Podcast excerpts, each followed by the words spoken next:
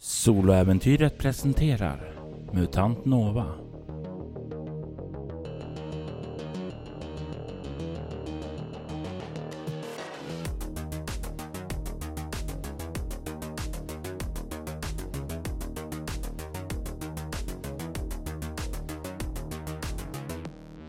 Zonen. Avsnitt 2 Kärnkraftverket.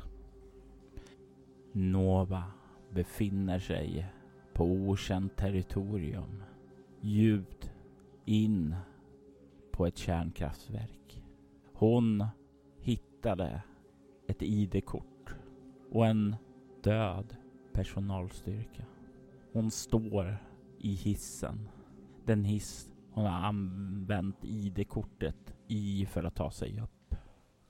Hissdörrarna glider upp. Och hon ser framför sig hur någonting börjar flimra till och tändas upp. Det är en entrésal. Det är en liten lobby. Lite längre in så finns det en receptionsdisk. Finns även en dörr vidare här kan se att det är en eh, väldigt vit, steril miljö här. Kan se logotyp här. En logotyp som är, ja det är någon form av tecken som skvallrar om att det är kinesiska. Ett språk som inte du behärskar. Men du har sett den här tecknen utanför tidigare på det här staketet. Så det verkar vara en konsekvens och återkommande text, troligtvis en namn då. Du kan se hur det vid receptionsdisken sitter en människa. Har suttit med huvudet lite böjt nedåt över ett papper men lyfter nu sakta upp det. Och du ser hur ett leende sakta glider upp på personens ansikte. Personen är skallig i 30-årsåldern, har en företagslogotyp tatuerad på båda sidorna av den här kala gässan. Kan se att den är klädd i en vit kostym med orangea inslag och en av de här inslagen är ju förstås logotypen. Den ler emot dig och säger Välkommen tillbaka Mr Chang, vad kan jag göra för dig? Det här var ju verkligen inte vad jag förväntade mig, nej. Men jag misstänker att den här personen inte är av eh, kött och blod som jag. Eftersom alla andra i den här byggnaden är döda och verkar ha varit så en lång tid. Och eh, den här personen tror att jag är en Mr Cheng och jag ser verkligen inte ut som en Mr Cheng. Utan den har nog bara läst av kortet som jag har använt. Om den här personen inte inser att jag inte är Mr Cheng så går jag fram till disken. Den håller blicken på dig med ett intensivt leende. Jag frågar jag skulle vilja ha en eh, statusrapport på säkerheten på anläggningen, tack. Det är ovanför min möjlighet att ge dig. Om det är någonting du önskar får du tala med Mao Janlins som har ansvaret över Vasan. Har ni ett bokat möte med honom? Jag tittar på den här ID-brickan. Visst stod allting på kinesiska? Ja. ja. Då kan jag inte lista ut vilken status Mr Cheng har. Nej, men kan jag få boka in ett möte? Absolut. Låt mig se om han har ledig tid. Han vrider sig ned till datorskärmen och jag tänker mig att du kan få slå ett slag för datorkunskap för att se om du kan eh, dra en slutsats om hur gammalt det här är. Mm. 96? över 75? Du eh, kan väl inte säga någonting om eh, datorn i sig. Det ser rätt likt ut de datorer du var van vid, så den sticker inte ut så mycket. Det är därför du inte riktigt kan dra någon slutsats av det. Han verkar ta upp några menyer, gå in, göra något alternativ, ta fram en kalender där, kollar och han säger han befinner sig just nu i ett telefonmöte. Vill du att eh, jag ska boka in dig efteråt? Ja tack. Och kan du ge mig bara en vägbeskrivning så att jag hör när det är dags? Absolut, jag kommer att släppa in dig här, säger och pekar bort mot dörren. Gå genom kontorslandskapet. Sedan tar du dörren åt höger. Där kommer du att komma in till relaxen. Fortsätt inte ut på balkongen utan in emot kontoret där Mr Mao befinner sig. Där kommer han att ta emot dig för ert möte. Ert möte är bokat till 13.45. Vill ni så kan ni vänta här i soffgruppen. Nej tack, kan jag få vänta utanför kontoret? Han kollar på dig, funderar lite och sedan säger detta önskemål är högst opassande och du kan få slå ett slag för att övertala. Visst ser du. 28 under 75. Men jag antar att det går bra om ni inte lovar att störa honom innan han är klar med mötet 13.45. Har jag ert löfte på det? Ja. Utmärkt! Om ni vill så kan ni ta del av maten som finns i mässen eller varför inte ta en liten utsikt över vårt vackra territorium. Det är en strålande vacker regnskog som brer sig ut här utanför och det kan vara avslappnande för själen att stirra ut över den när stressen har kommit in i vårt liv. Var god att kliva in nu. Sen trycker den på en knapp och sen så glider dörren upp. Har ni någon information om eh, regnskogen som jag kan få ta del av? Absolut. Regnskogen och sen så börjar han berätta om den. Så här väldigt nästan skolboksexempel. Ja. Punktar upp, det är fakta och sådant. Det är lite grann som en mix mellan en PR-runda och en eh, skolundervisning Okej. där. Men du kan ganska snabbt lägga märke till att eh, den verkar inte så uppdaterad. För det är inte den här violetta regnskogen som du rörde dig i, utan det är beskrivning av en helt normal regnskog eh, med allt det innebär, klimat och djur och sådant. Och det stämmer ju inte alls med det som du såg där ute.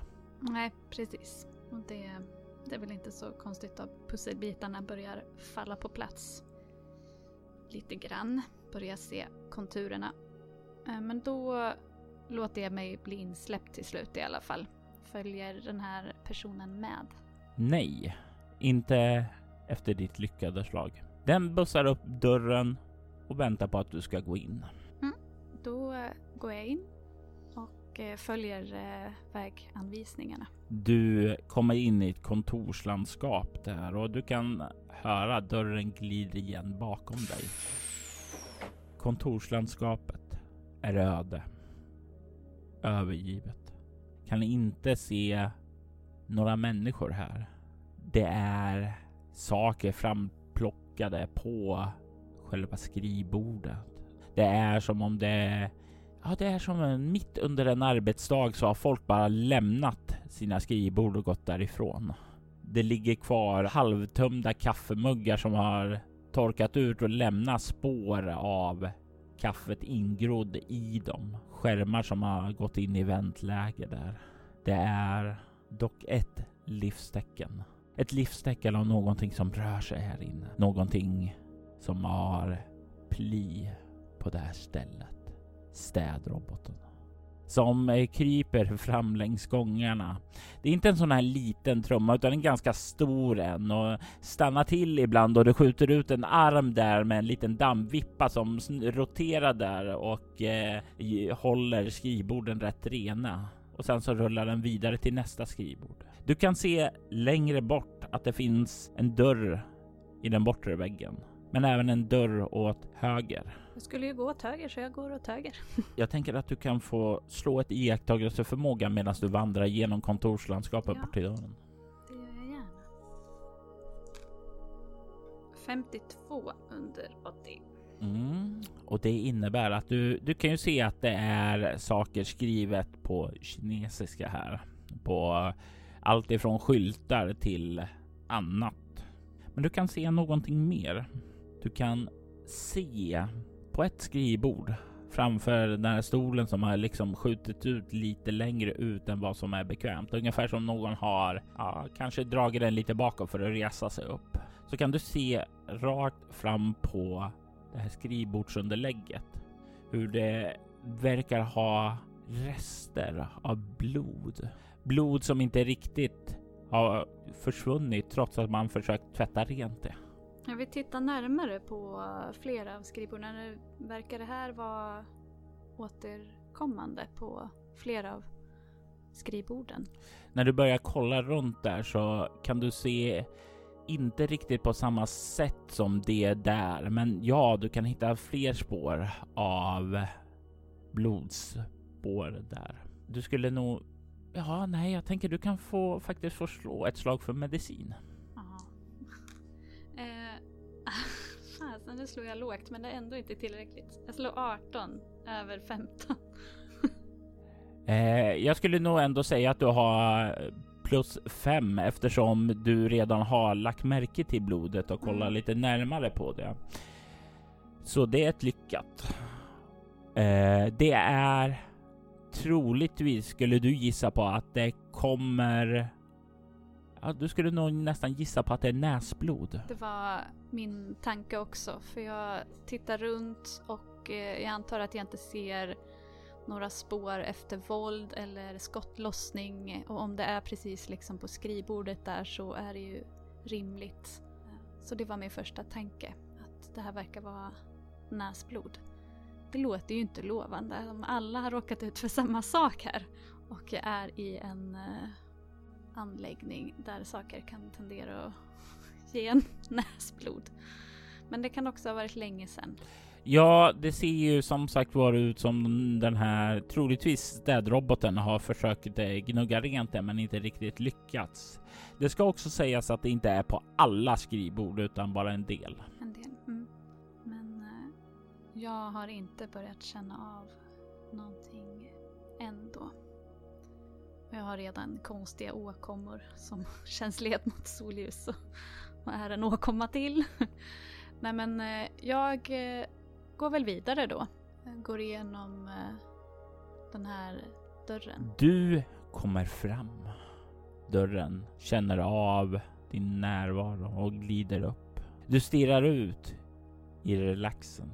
Det är ett eh, fint inrett rum. Du kan se åt vänster om dig att det är en pool med vacker azurblå vatten i sig. Du kan höra hur det porlar lite behagligt och avslappnande. Det är ganska ljust här inne och väggarna är försedda med konstgjord grönska så det ser ut som en del av vad som den här mottagspersonen beskrev som regnskogens vackra krona. Det är idylliskt här inne.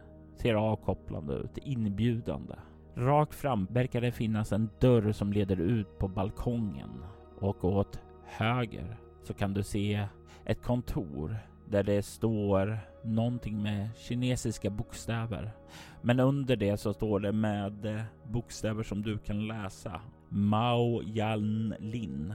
Och sen så under så står det återigen med först med kinesiska bokstäver sedan på engelska Head of Operations. Det är ju lite anmärkningsvärt att det verkar som att de här människorna där nere dog för ganska länge sedan men här verkar strömmen verkar vara på överallt och alla de här eh, robotarna, robotarna pågår, eller alla de här robotarna fortsätter, fortsätter sina jobb som om inget har hänt. Men eh, finns det något eh, fönster lite grann in till det här kontoret som man kan kika in? Mm. Det är ju mestadels sånt här frostat glas men det är ju en sån här liten ram som går runt i ytterdelen där. Så du kliver fram där och du kan stirra in på ett eh, kontor. Ett kontor som är så här vackert själslöst. Det är glas och yta som dominerar kontorsfilosofin där. Det finns en ganska slimmad fin dator, väldigt stor skärm där och bakom det här skrivbordet där den står så verkar det arbeta en kinesisk man i väldigt proper kostym. Han, ja, han ser lite irriterad ut, stressad kanske till och med. Det hade jag verkligen inte väntat mig. Sitter han i telefon? Han har ett sånt här headset som eh, är uppkopplat där och han verkar prata emellanåt där. Finns det en klocka här ute? Det finns det och klockan är 11 och 17. Hur ser han ut? Ser han ut att vara kapabel att eh, försvara sig? Ser han stor och bufflig ut eller ser han ut att ha ett vapen? Vad du kan se här utifrån låter jag eh, dig göra ett iakttagelseförmågaslag för. 46 under 80. Du kan se att han verkar vara en ganska spenslig man. Eh, definitivt ingen stor imponerande fysisk gestalt. Du kan inte heller se att han har någon beväpning på sig. Vad du däremot kan se är ju att det finns två stycken eh, övervakningskameror här. En mot den väggen där man kommer in och en snett emot den eh, andra väggen som ska täcka hela rummet då. Uppe vid dem finns det också någon form av säkerhetssystem med automatvapen där. Så han kanske inte ser det världens mest eh, tuffa ut, men det finns någonting här som kan försvara honom. Men jag knackar på faktiskt. Jag tänker inte hålla mitt löfte. Du knackar på och du kan höra där inifrån. Jag sitter i möte nu, du får vänta. Muttra lite så här tyst. Men får jag intrycket av, han av att han faktiskt sitter i möte? Verkar han prata med någon i headsetet? När du liksom lyssnar lite noggrant så han verkar i alla fall svära mot någon i headsetet. I alla fall av tonläget och döma. Han talar ju på kinesiska så du kan inte riktigt säga vad han snackar om, men han verkar upprörd på den. Men han pratade engelska när han ropade? Ja. Då vet ju han, då har ju han fått eh, någon sorts indikation om att han har möte med Mr Cheng efter, eh, efter det här mötet. Mm. Jag knackar på igen, jag bultar på igen och säger det är viktigt. Kom, kom in då. Mm, jag kliver in. Han kollar på dig, kollar lite oförstående på dig. Eh, vem är du? Det är inte viktigt. Är du medveten om att alla är döda där nere? Och har varit det ganska länge? Ursäkta? Ja, där nere. I kontrollrummet. Jag sitter här i telefonkön ner dit, så nej, de kan inte vara döda. What the fuck? Han kollar med väldigt förbryllad eh, höjt ögonbryn mot dig. Jag kollar likadant tillbaka på honom. Jag var just där nere. Jag visar honom i det kortet. Den här personen är död. Har du dödat Mr Cheng? Nej! Det var inte jag! Han kollar väldigt så här skeptisk mot dig. Jag tänker låta dig slå ett övertygad här.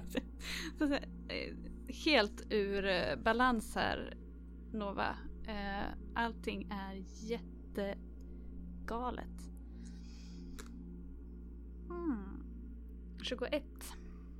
Mm. Mr Cheng är död och alla andra döda. Ja, vem pratar du med? Jag snor åt mig headsetet. Eh, du kan slå ett slag för fingerfärdighet här. För han ryggar ju instinktivt undan när du far fram med handen. Där. Nej, 81.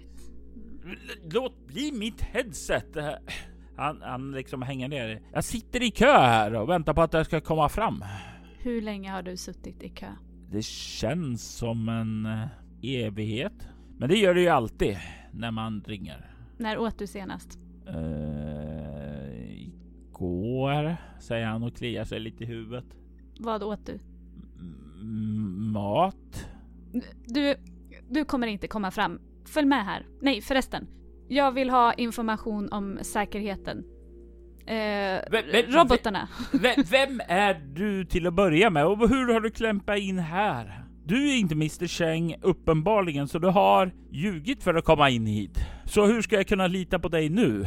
Jag är Michelle och eh, jag är här för att inspektera säkerheten, säger jag samtidigt som jag står i en alldeles för stor eh, lånad uniform och ser ganska sliten ut. Jag säger ju att det här är ju definitivt en bluff som du behöver få fram där och du har ju inte arbetat för att få upp trovärdigheten i den så jag tänker ge dig minus 15 i övertyga. Du, jag fick ett. Det är ju ett perfekt slag.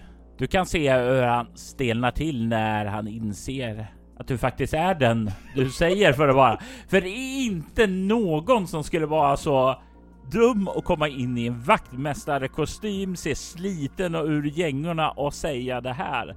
Det måste ju uppenbarligen vara sant. Ja. Och han verkar fyllas av skräck när du säger det. För han verkar inte alls glad över att eh, någon har blivit sänd hit för att eh, kolla säkerheten. För det innebär att någon verkar rikta misstro emot honom och det kan skapa en helt ny kedja av hemskheter. Eh, eh, Okej, eh, han rättar till slipsen lite. Vad ba vill ni veta? N- Ni har allvarliga problem med säkerheten här. Ser du hur jag ser ut? Jag fick ta mig in genom ett rör för att ens bli insläppt. Men, men är inte det bra säkerhet? Inte om de som hör hemma här inte kan få komma in när de ska. Jag vill se systemen. Alla säkerhetssystem, alla robotar, alla övervakningskameror, allt. Ja, det är ju säkerhetsavdelningen som gör det. Eh, låt mig ta och ringa upp dem. Nej, nej, jag tar honom eh, om axeln. Vi går dit. Eh, Okej. Okej. Mm. Han börjar resa sig upp. Eh, om ni följer med mig, säger han och ler och börjar gå ut ur sitt kontor bort emot relaxen. När ni kommer ut där så stannar han och kollar mot dig. Eh, kanske jag kan erbjuda dig någon drink Nej, eller så? nej, nej tack. Nej, nej, inte, Nej. inte det. Okej. Och har du sett kontorslandskapet här? Nej, Nej, kom jag... får du se. Ja, Okej. Han kliver ut och när han ser att det är tomt där så kollar han där. Men vart är alla andra? Jag visar honom blodet. Se här. Vad, vad, vad, vad har hänt? Ja, vad har hänt? Kom, nu går vi. Men, men, men bara all personal någonstans. Förmodligen döda för länge sedan. Kom nu. Men, men de var ju här igår. Han ser helt förvirrad ut där och eh, blir liksom stående och bara nästan gapar och kollar sig omkring. Vi, jag drar med honom vidare. Visa vägen nu. Vart ska vi? Eh, ned en våning. Har du, eh, har, har du med dig ditt kort? Eh, ja, Bra. Då går vi. Så åker vi ner. kan se hur han leder vägen tillbaka ut och dörren glider upp där och han kliver ut och du kan höra den andra bara Välkommen tillbaka Mr Mao. Hur kan vi? Och sen ser han dig och det är liksom äh, det här stora breda leendet. Det avtar. Det är mer hårt allvarligt. Be det där skinnjobbet att sätta sig ner och inte bry sig om vad som händer här. Du kan se hur han eh, då bara eh, okej. Eh, ja, och jag vill att du slår ett slag för iakttagelseförmåga för att lägga märke till en liten gest. Nio. Du ser hur den här personen, skinnjobbet som du kallar det, är på väg att sticka handen under skrivbordet för att ja, du skulle nog gissa att det finns ett alarm där. Jag tar fram min revolver och skjuter den i huvudet. Bara, nu är jag trött på det här. Äh, slå ett pistol. 17. Skinnjobbet förlorar en del av sitt skinn där när du avfyrar kulan och sätter den i huvudet. Det sprakar ifrån kretsarna där under här och den bara blir fast i ett läge där den är på väg framför det, trycka och sen rycker den tillbaka och sen fram och trycka som liksom fastnar i en och samma rörelse där. Den rycker fram och tillbaka och Mr Mao, han skriker hysteriskt där skräckslagen. Vad, vad, vad är det som pågår här i Göteborg? Alla? Tyst, tyst! Ni har allvarliga problem med säkerheten säger jag. Den där... Shh, tyst! Kom, nu går vi ner. Den där försökte dra på larmet på oss. Nej, nej. Kom nu, nu går vi ner. Jag förstår inte vad som pågår här. Jag ger dem en örfil. Han fryser till där av smällen och liksom för handen upp till kinden och liksom gnor lite med den och kollar på dig med en bortkommen blick och sen så är det som om hela han bara ger upp och kollar på dig ungefär som vad var det du ville att jag skulle göra? Nu går vi ner till säkerhetsavdelningen. Han nickar lite bara och sen så börjar han gå nedåt. Jag tänker mig att du kan få slå ett slag för medicin. Ah, 94 över 15. Du tar och eh, kliver in i isten med honom. Han tar fram sitt kort, trycker den mot hissen och ni åker ned en nivå. Dörrarna glider upp och eh, ni kan se att det är nedsläckt där, men det börjar tändas upp där när ni kliver ut. Kan se borta vid receptionsdisken att det sitter en likadan person som du nyss sköt, sköt i huvudet som kollar upp. Åh, Mr Mao och gäst, hur kan jag så till tjänst? Han kollar bara på den och börjar kliva rakt framåt utan riktigt säga något. Det är som om han är lite bedövad av hela situationen. Han var säkert jättebra. Han är bara fokuserad. Mm. Hur ser det ut här inne? Det är ganska identiskt som det förra rummet där ovanför. Det är ungefär som det är samma planlösning. Du kan se hur Mr Mao kliver fram till dörren, ställer sig och börjar ta och rycka i den, men det är ju låst där. Du kan se hur den här andra personen som sitter där bakom receptionsdisken har vridit sitt huvud och kollar mot dig. Ja, jag följer efter Mao. Ja, han står där framme. Du kommer fram till och han står och rycker i dörren som inte går upp. Men du har väl inte du Head of Operation? Du har väl eh, kortet? Eh, ja, kortet ja. Och han liksom tar ner och drar mot kortet mot läsaren och det bippar till. Men inte ett, den goda sortens bipp, utan det är access denied. Som sagt, stora problem med säkerheten. Har inte du tillgång till den här avdelningen? Jo, han tar och drar den igen, men det är återigen så biper det till av ett nekande. Men varför funkar det inte? Du får prata med roboten. Varför funkar det inte? Roboten sitter där bara och stirrar på er. Och du lägger märke till att handen för roboten är placerad på ett väldigt, väldigt obehagligt ställe och den sjunker ner lite nu eh, i knät. Mm, jag har ju min revolver i handen fortfarande tänker jag. Hade inte den bara en kula? jo, det hade den. Jo, men jag menar att den ser ju säkert att jag har en uh, revolver. Mm. Du måste prata med roboten och be om att få bli insläppt. Han vänder sig mot roboten och jag, jag måste bli insläppt. Du kan se hur den här roboten sitter kallt där med ett obehagligt leende på läpparna som om den leendet fanns där för att göra situationen mer lugn avkopplat men det känns bara obehagligt där. Sätt er bara ner så kommer personal för att hämta er. Var god dröj. Jag stoppar i alla fall undan eh, min eh, revolver. Eh, typ i byxlinningen bakom ryggen. Och eh, sen så går jag fram till receptionsdisken och tittar lite på vad det finns för datorer och sånt där. Om det är någonting som jag kan... Eh, ja men jag vill bara titta, titta runt lite och se vad som finns. Jag vill inte framstå som eh, eh hotfull på något sätt utan jag bara ser ut som att jag kollar lite. Vad har du i datorkunskap? Jag har 75. Du kan väl ändå dra slutsatsen av att det är rätt vardaglig utrustning där. Det är syfte för att kunna ta emot, boka möten och göra anteckningar och sådant där.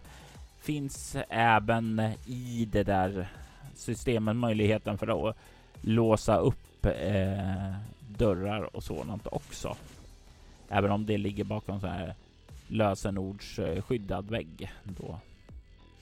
Eh, men annars så är det rätt normal utrustning. Det finns telefon och liknande. där. En maskin kan ju vara ganska stark och så. Så jag föreställer mig att jag inte kan övermanna just den här maskinen. Särskilt som att det är på säkerhetsavdelningen. Frågan är om eh, Mr Head of Operation här har något kommando han kan säga till roboten för att den ska avaktivera sig. Så jag går eh, tillbaka till Mr Mao. Och han har slagit sig ner borta i soffgruppen och sitter där och nästan hyperventilerar. Jag sätter mig bredvid honom. Och så tar jag ett djupt andetag. Och försöker lugna ner mig själv. Samtidigt som jag försöker lugna ner honom. Och ge en, ett intryck av att här är vi lugna, vi väntar. Sen viskar jag till Mr Mao. Har du något kommando för att avaktivera den där maskinen? Eh, ja. Ta några djupa andetag. Lugna ner dig. Jag är här för att lösa det här. Jag är ledsen att jag behövde göra det där. Men jag har som sagt stora problem med säkerheten. Och vi behöver komma in där. Och så pekar jag på dörren. Så det du ska göra nu, när du har lugnat ner dig, är att gå fram till den där roboten och ge kommandot. Okej. Okay. Jag, är lugn nu, tror jag. Mm. Han reser sig upp. Kliver fram. Kollar mot den där skinnjobbet. Skinnjobbet kollar tillbaka med sitt breda leende. Du kan se hur han tar ett djupt andetag. Och sen så säger han någonting med en synbart fejkad självsäkerhet. Ett kommando på kinesiska och det funkar. Roboten dör. Roboten stänger ned, sjunker ihop. Problemet är bara att det är han som stänger av och sjunker ned med huvudet medan receptionsroboten fortfarande sitter där med ett leende och vrider sitt huvud mot dig. Fan också. Och den här roboten reagerade inte alls på det. Den andra roboten reagerade Skinnjobbet, nej, receptionsroboten reagerade inte alls på nej. det, utan den ler obehagligt nu mot dig. Hur ser säkerheten ut här inne? Det är samma med kameror och säkerhetssystem och allting. Mm. Du kan inte se några automatvapen eh, eller sådant här. Nej. Men det finns kameror. Ja. Kameror. Men det har ju fortfarande inte dykt upp några sådana här mördarrobotar, tänkte jag säga. Så det är ju någonting som inte är 100% här. Så frågan om jag vågar riskera att det inte kommer någonting om jag skulle hitta på något jävelskap här inne. För jag vill komma in där. Jag vill hitta information om säkerheten här. Eller i alla fall hitta mera, jag vill ha mer eh, vapen och ammunition. Mm. Det känns ju som att det borde finnas här. Det är väl störst chans att det finns det på säkerhetsavdelningen, ja. Men det fanns bara en dörr här in till själva, från lobbyn till säkerhetsavdelningen. Typ. Mm. Ja. Inga skåp eller någonting. Nej. Nej, jag får väl bara försöka övermanna den här typen. Fundera på bara hur jag ska göra det. Den sitter bakom den här disken, om jag kan lura fram. Finns det några, vad finns det för lösa delar i det här rummet?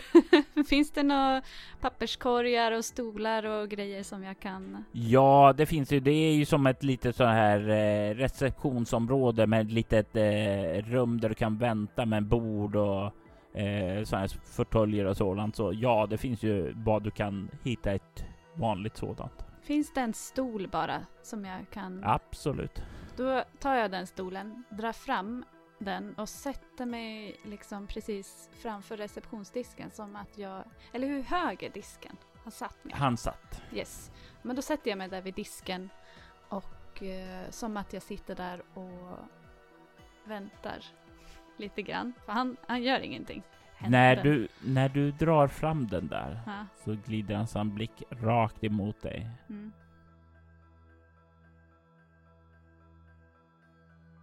Det är som han sitter där med sitt breda, obehagliga leende och väntar på någonting. De, de är så jävla creepy de här när de, eh, när de bara gör sitt jobb inom citationstecken. När de eh, bara väntar. Men jag sitter där och sen helt plötsligt bara så reser jag mig, rycker ut stolen under mig och eh, tar den och slår den i huvudet med stolen. Slå ett tvåhands närstridsvapen, för det är ju definitivt två händer du kräver för att slå med en stol. Ja, jag får två. Oh! Det är till och med ett perfekt där. Mm. Jag sa ju att jag skulle tämja de här tärningarna. Du drämmer ned stolen och beskriv för mig vad som händer. Eh, han eh, smashar ner med ansiktet bara i eh, skrivbordet så att eh, huden flyger, höll jag på att säga. eh, och eh, det, ja, det knastrar väl till antar jag. Sen eh, hoppas jag att han inte reser sig igen. Och eftersom du fick ett perfekt så ligger han kvar där. Hör ljud av lite elektriska komponenter som sprakar och dör ut. Men sedan blir det tyst. Jag kollar på den här roboten, jag kollar runt på skrivbordet om, och under skrivbordet och i närheten om det finns några vapen där. Nej, det finns inga vapen där under. Nej, då vände jag mig till datorn. Fan, jag behövde ju han. För att han skulle ju översätta åt mig. Men jag kanske kan lösa det på något annat sätt. Det är ju system och system är ju uppbyggda med en viss struktur även om du skinnar det med ett annat språk. Jag tänker att du kan få slå ett eh, datorkunskap men du får CL minus 15. Åh, 61. Jag fick 65 då. 61 under 65. Du låser upp rätt meny och du kommer igenom det här lösenordsskyddet där också. Dörren klickar till och du kan se hur den glider upp. Går den inåt eller inåt mot rummet jag ska till eller utåt mot mig? Den går in varken eller utan Nej, det glider bara ja. uppåt där. Då ställer jag mig ändå bakom väggen lite grann. Och kikar in i rummet. Du kan se att det är ett rum där det verkar ha pågått en gång i tiden olika möten och sådant. Det är ett stort bord. Det är skärmar där uppställda. Det är lite sånt här mötesrum för militära aktioner nästan. Det finns en eh, stor eh, vägg täckt av en skärm som verkar vara en karta över trakten. Du kan se att eh, det verkar vara över eh, regnskogen. Och du kan se även att det verkar vara ett område av en slätt och längst bort så verkar det vara utmarkerat en eh, stad på kartan som heter Ypsilon 5, vilket är ett namn som inte säger dig någonting alls annat än det kanske finns fyra andra Ypsilon någon annanstans. Mhm, precis. Eh, men du kan se också att det längre bort finns två dörrar. En till eh, omklädningsrum och till träningshall längst bort i det här rummet. Men du kan även se att Det finns en liten dörr åt sidan Yes. där det står vapenförråd. Jag vill ändå gå runt i det här rummet och se om jag kan på någon dator hacka mig in och hitta information om eh, säkerhetssystemen. Som sagt, vad finns det för säkerhetssystem? De här omtalade säkerhetsrobotarna som skulle komma. Vad är statusen där? Eh, och eh, om jag kan på något sätt stänga ner hela systemet så jag fortsättningsvis kan röra mig fritt ut och in Mm. överallt. Slå ett slag för datorkunskap så ska vi se vad för valmöjligheter det lämnar dig med. Mm. 77 över 75. Du kommer in i systemet nog för att du ska kunna se en del av, av den information som finns där, men inte nog för att du ska kunna gå in och ändra någonting. Du kan se att larm har gått både på nedervåningen, övervåningen och den våningen du har varit på. Du kan se att det har skickats ut larm och de har mottagits. Du kan däremot inte se eh, någon information om alla mördarrobotar. Nej, Men då går jag mot eh, vapenförrådet med en gång. Jag vill packa på mig vad som finns vad jag kan bära och hantera. I vapenförrådet så kan du se att det finns eh, skyddsvästar, det finns automatkarbiner, det finns pistoler, det finns ett medicinskåp. Jag vill definitivt ta på mig skyddsväst med en gång. Du kan skriva upp det på utrustning. Yes. Jävlar ska kitta. Mm. Och då vill jag fundera på, jag står där och väger vad jag ska ta för vapen. Vad är jag bäst på att hantera? I, varken eller, eller vad säger jag? Enhands närstridsvapen eller tvåhands närstridsvapen. Men jag tar en stor pickadoll och en... Eh, är det, ehm, finns det bättre eh, enhands enhandsvapen än den här revolvern som jag har? Eller är det more of the same liksom? Eh, det finns eh, inte så mycket revolvrar här utan Nej. det är mer automatpistoler. Mm. Du hittar väl eh, likvärdiga pistoler. Vad som kanske är bättre med dem är väl att de har lite längre räckvidd och har lite mer magasin. Mm. Precis. Och att de är automatiska. Ja. Jag kastar ifrån mig eh, den här eh, revolvern med en gång. Tar två stycken automatpistoler med magasin. Jag antar att det finns hölster. Ja. Höfthölster vill jag ha. Det är som att jag handlar här. Och i princip är det ju exakt det du gör här Ja. eh, med undantag över att du inte behöver betala. Jag har betalat nog, känner jag. Det här har jag förtjänat. Jag fick inte det jag ville ha tidigare i ett annat liv. Sen tar jag en eh, stor, eh, något stort automatvapen också som jag slänger över ryggen om det går. Absolut. En automatkarbin. Gud vad jag kommer få stryk sen. För så här snäll brukar inte Robert vara. det här kommer slå bakut som fan. Mm. Sen vill jag kolla medicinskåpet, vad som finns. Slå ett slag för medicin. Nej, 55 över 50. Du kan inte känna igen vad de gör eh, och du kan inte läsa det på dem eftersom det är på kinesiska. Men du kan se att eh, det finns ett antal av enduran, eh, av mendator, av regen, av kombatin.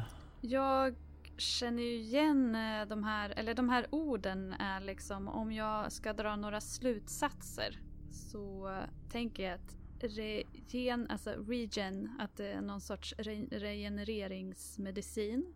Kombatin, någon sorts stridsdrog kanske. Men dator, ja det är någon, någon sorts läkegrej då. Men jag drar väl på mig lite av varje... Eh, visst tog jag en väska också där ute i Ja. säkerhetshytten? Jag packar ner så mycket jag orkar bära. Ja, och det finns ju också här ordentliga sådana här eh, såna här ordentliga ryggsäckar för eh, special troops här då. Ja, ännu bättre. Och i din eh, skyddsväst så finns det också så här fickor att stoppa eh, de här små medicingrejerna och det finns här även autoinjektorer eh, som kan appliceras i drogerna så att det bara snabbt att trycka för att aktivera dem. Yes. Frågan om jag vågar experimentera med saker som jag inte vet vad det är. Men det kan, just nu behövs det kanske inte. Men eh, jag packar väskan full, jag stoppar på med magasin och grejer. Sen kanske det finns här. Jag vill ju till den här eh, Y5. Men det verkar som att det är lite vildmark däremellan. Det du anade var ju att eh, bort bortanför skogen så var det en öppen mark där och på den här kartan här i det här sammanträdesrummet då som du nyss var i så var det utmarkerad slätt där. Men oavsett långt att gå så jag tänker om det kanske finns några bra boots i min storlek? Ja, det borde det finnas. Men här inne finns det förmodligen inte någon sorts mat. Nej. Så det vill jag söka upp härnäst. Jag eh, går ut ur vapenförrådet och rör mig mot vad mer det var träningsrum. Det var... Du såg ju också att det fanns en mäss ja, där uppe. mäss, just det. Mäss fanns det. Jag rör mig upp till mässen helt enkelt. Jag har eh, händerna på pickadollerna. och eh, vill jag fortfarande, vill jag kolla de andra rummen? Nej, det viktigaste är ett sätt att försvara mig och någonting att äta. Du kommer upp till mässen och ser ju hur den eh, verkar också övergiven. Lite smutsig disk ligger i diskhon och det verkar ha muterat där. Blivit nya livsformer där. Det luktar inte så gott där bortifrån diskhon. Du kan inte se direkt om mat, men du kan se ett antal olika kylar här. Mm. Jag tänker att om det är kylvaror, fast i och för sig. Ja, jag, jag håller för näsan och öppnar en kyl och tittar vad som finns. Och det är ju kvarglömda matlådor. Matlådor som en gång i tiden var väldigt raka och fina men som nu har börjat expandera ut och bli runda på grund av maten där inne har transformerats till nya existensformer i det här kylskåpet som eh, sedan länge inte haft någon ström i sig utan aktiverats när du klev in här. Startade för en stund sedan. Det är ju en kraftfull odör som väller ut och tack vare du håller för näsan där så undviker du att kräkas. Men det är nästan så du känner hur det är ett anfall emot dina sinnen ett starkt, hemskt, illaluktande anfall. Mm, nej, det var som jag trodde. Då vill jag istället öppna om det finns några skåp någonstans där det kan finnas någon sorts torrmat eller ja, om man har riktigt tur en bra burk med vita bönor eller någonting. Du hittar en del konserver och lite så här ja, annat som inte verkar ha blivit dåligt där. Men eh, konserverna är väl den stora vinsten då. I den här världen liksom som jag känner till. Det finns ingen typ av eh, teknik som gör mat från ingenting. Nej. Nej. Nej, precis. Uh, men då, då tar jag som sagt eh, så mycket som jag orkar bära. Jag kanske behöver plocka ur någonting. Men eh, nej, mat är viktigt. Och sen, eh, sen tror jag att jag är ganska färdig här. Det här var, det var dumt att ta sig in här men nu har jag i alla fall det jag kom för. Jag, ja, men jag tar med den här PDAn som jag hittade ändå. Mm. För att den kan komma väl till pass om jag kommer in i stan. Det kanske, ja, nej jag vet inte. Jag tar med den. Och, eh, eh har jag någonstans här i anläggningen, det kanske du skulle ha sagt, men har jag dykt på någon sorts valuta? Inte vad du har kunnat se, nej. Nej. nej. Men å andra sidan, vi hade väl inte så mycket till fysiska medel heller. Nej, mycket var ju då eh, betala via sina kort. Mm, precis. Mm. Mm. Jag tror jag ska ta någonting som jag kan sälja. Vad skulle det vara? Vad tror du kan vara värdefullt att sälja och ändå enkelt att ta med sig? Vapen brukar ju vara en grej. I värsta fall, eh, jag, jag vet ju inte hur den här, eh, hur det verkar vara en helt eh, annorlunda värld som jag har kommit till och i min värld så var det ju inte helt eh, okontroversiellt att springa runt med automatvapen på ryggen. Så eh, det kanske ändå är någonting som jag måste göra mig av med när jag kommer till stan liksom.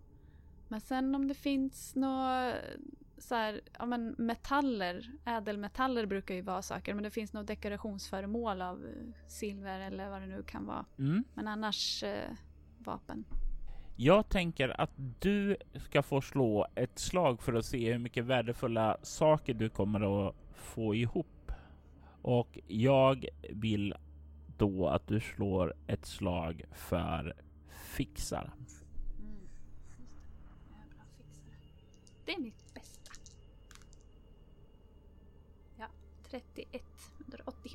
Du samlar ihop det du hittar som du tror kan vara enklast att bära och vara mest värdefullt. En kombination, en kombination av vapen och droger prydnadsföremål i ädelmetaller. Du har samlat ihop ett värde på 5000. Mm. Och det är ju inte så mycket att jag går och plockar på mig hur mycket som helst av vapen och så utan jag känner mycket efter vad jag, vad jag kan bära utan att bli uh, nedtyngd. nedtyngd. Precis i att jag behöver röra mig långt. Så, mm.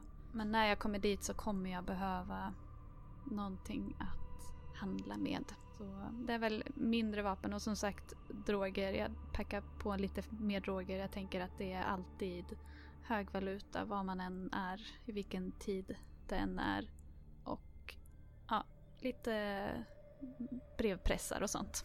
Och med lotet i väskan så gör du dig redo att ta dig ut ifrån det här kärnkraftverket för att bege dig emot staden Ypsilon 5. Du har betydligt lättare att ta dig ut än du hade att ta dig in. För när du rör dig här nere på väg ut så kan du hitta på nedre våningen då. Alla de här säkerhetsdörrarna är ju rätt lätta att öppna inifrån. Och det är även på nedervåningen som du hittar mördarrobotarna. De sedan länge obrukbara robotarna. De som har gett vika för någonting som skedde här för länge sedan. Du har inga som helst problem att avaktivera den här säkerhetssystemet vid utgången heller här inifrån. Det är ganska enkelt att bara slå av den vid panelen där ute och du kan ta dig ut ifrån kärnkraftverket. Nu så börjar resan emot Ypsilon 5. Mutant Nova är en podd av Mia Gibson och Robert Jonsson där vi spelar rollspelen MUTANT, MUTANT Rymd och Mutant Chronicles. Avsnittet spelades, redigerades och producerades av Robert Jonsson medan Mia Gibson spelade Nova. Intromusiken var Hackers of Cyberpunk som skapats av JCO Films UK som även bidrog med musik till detta avsnitt.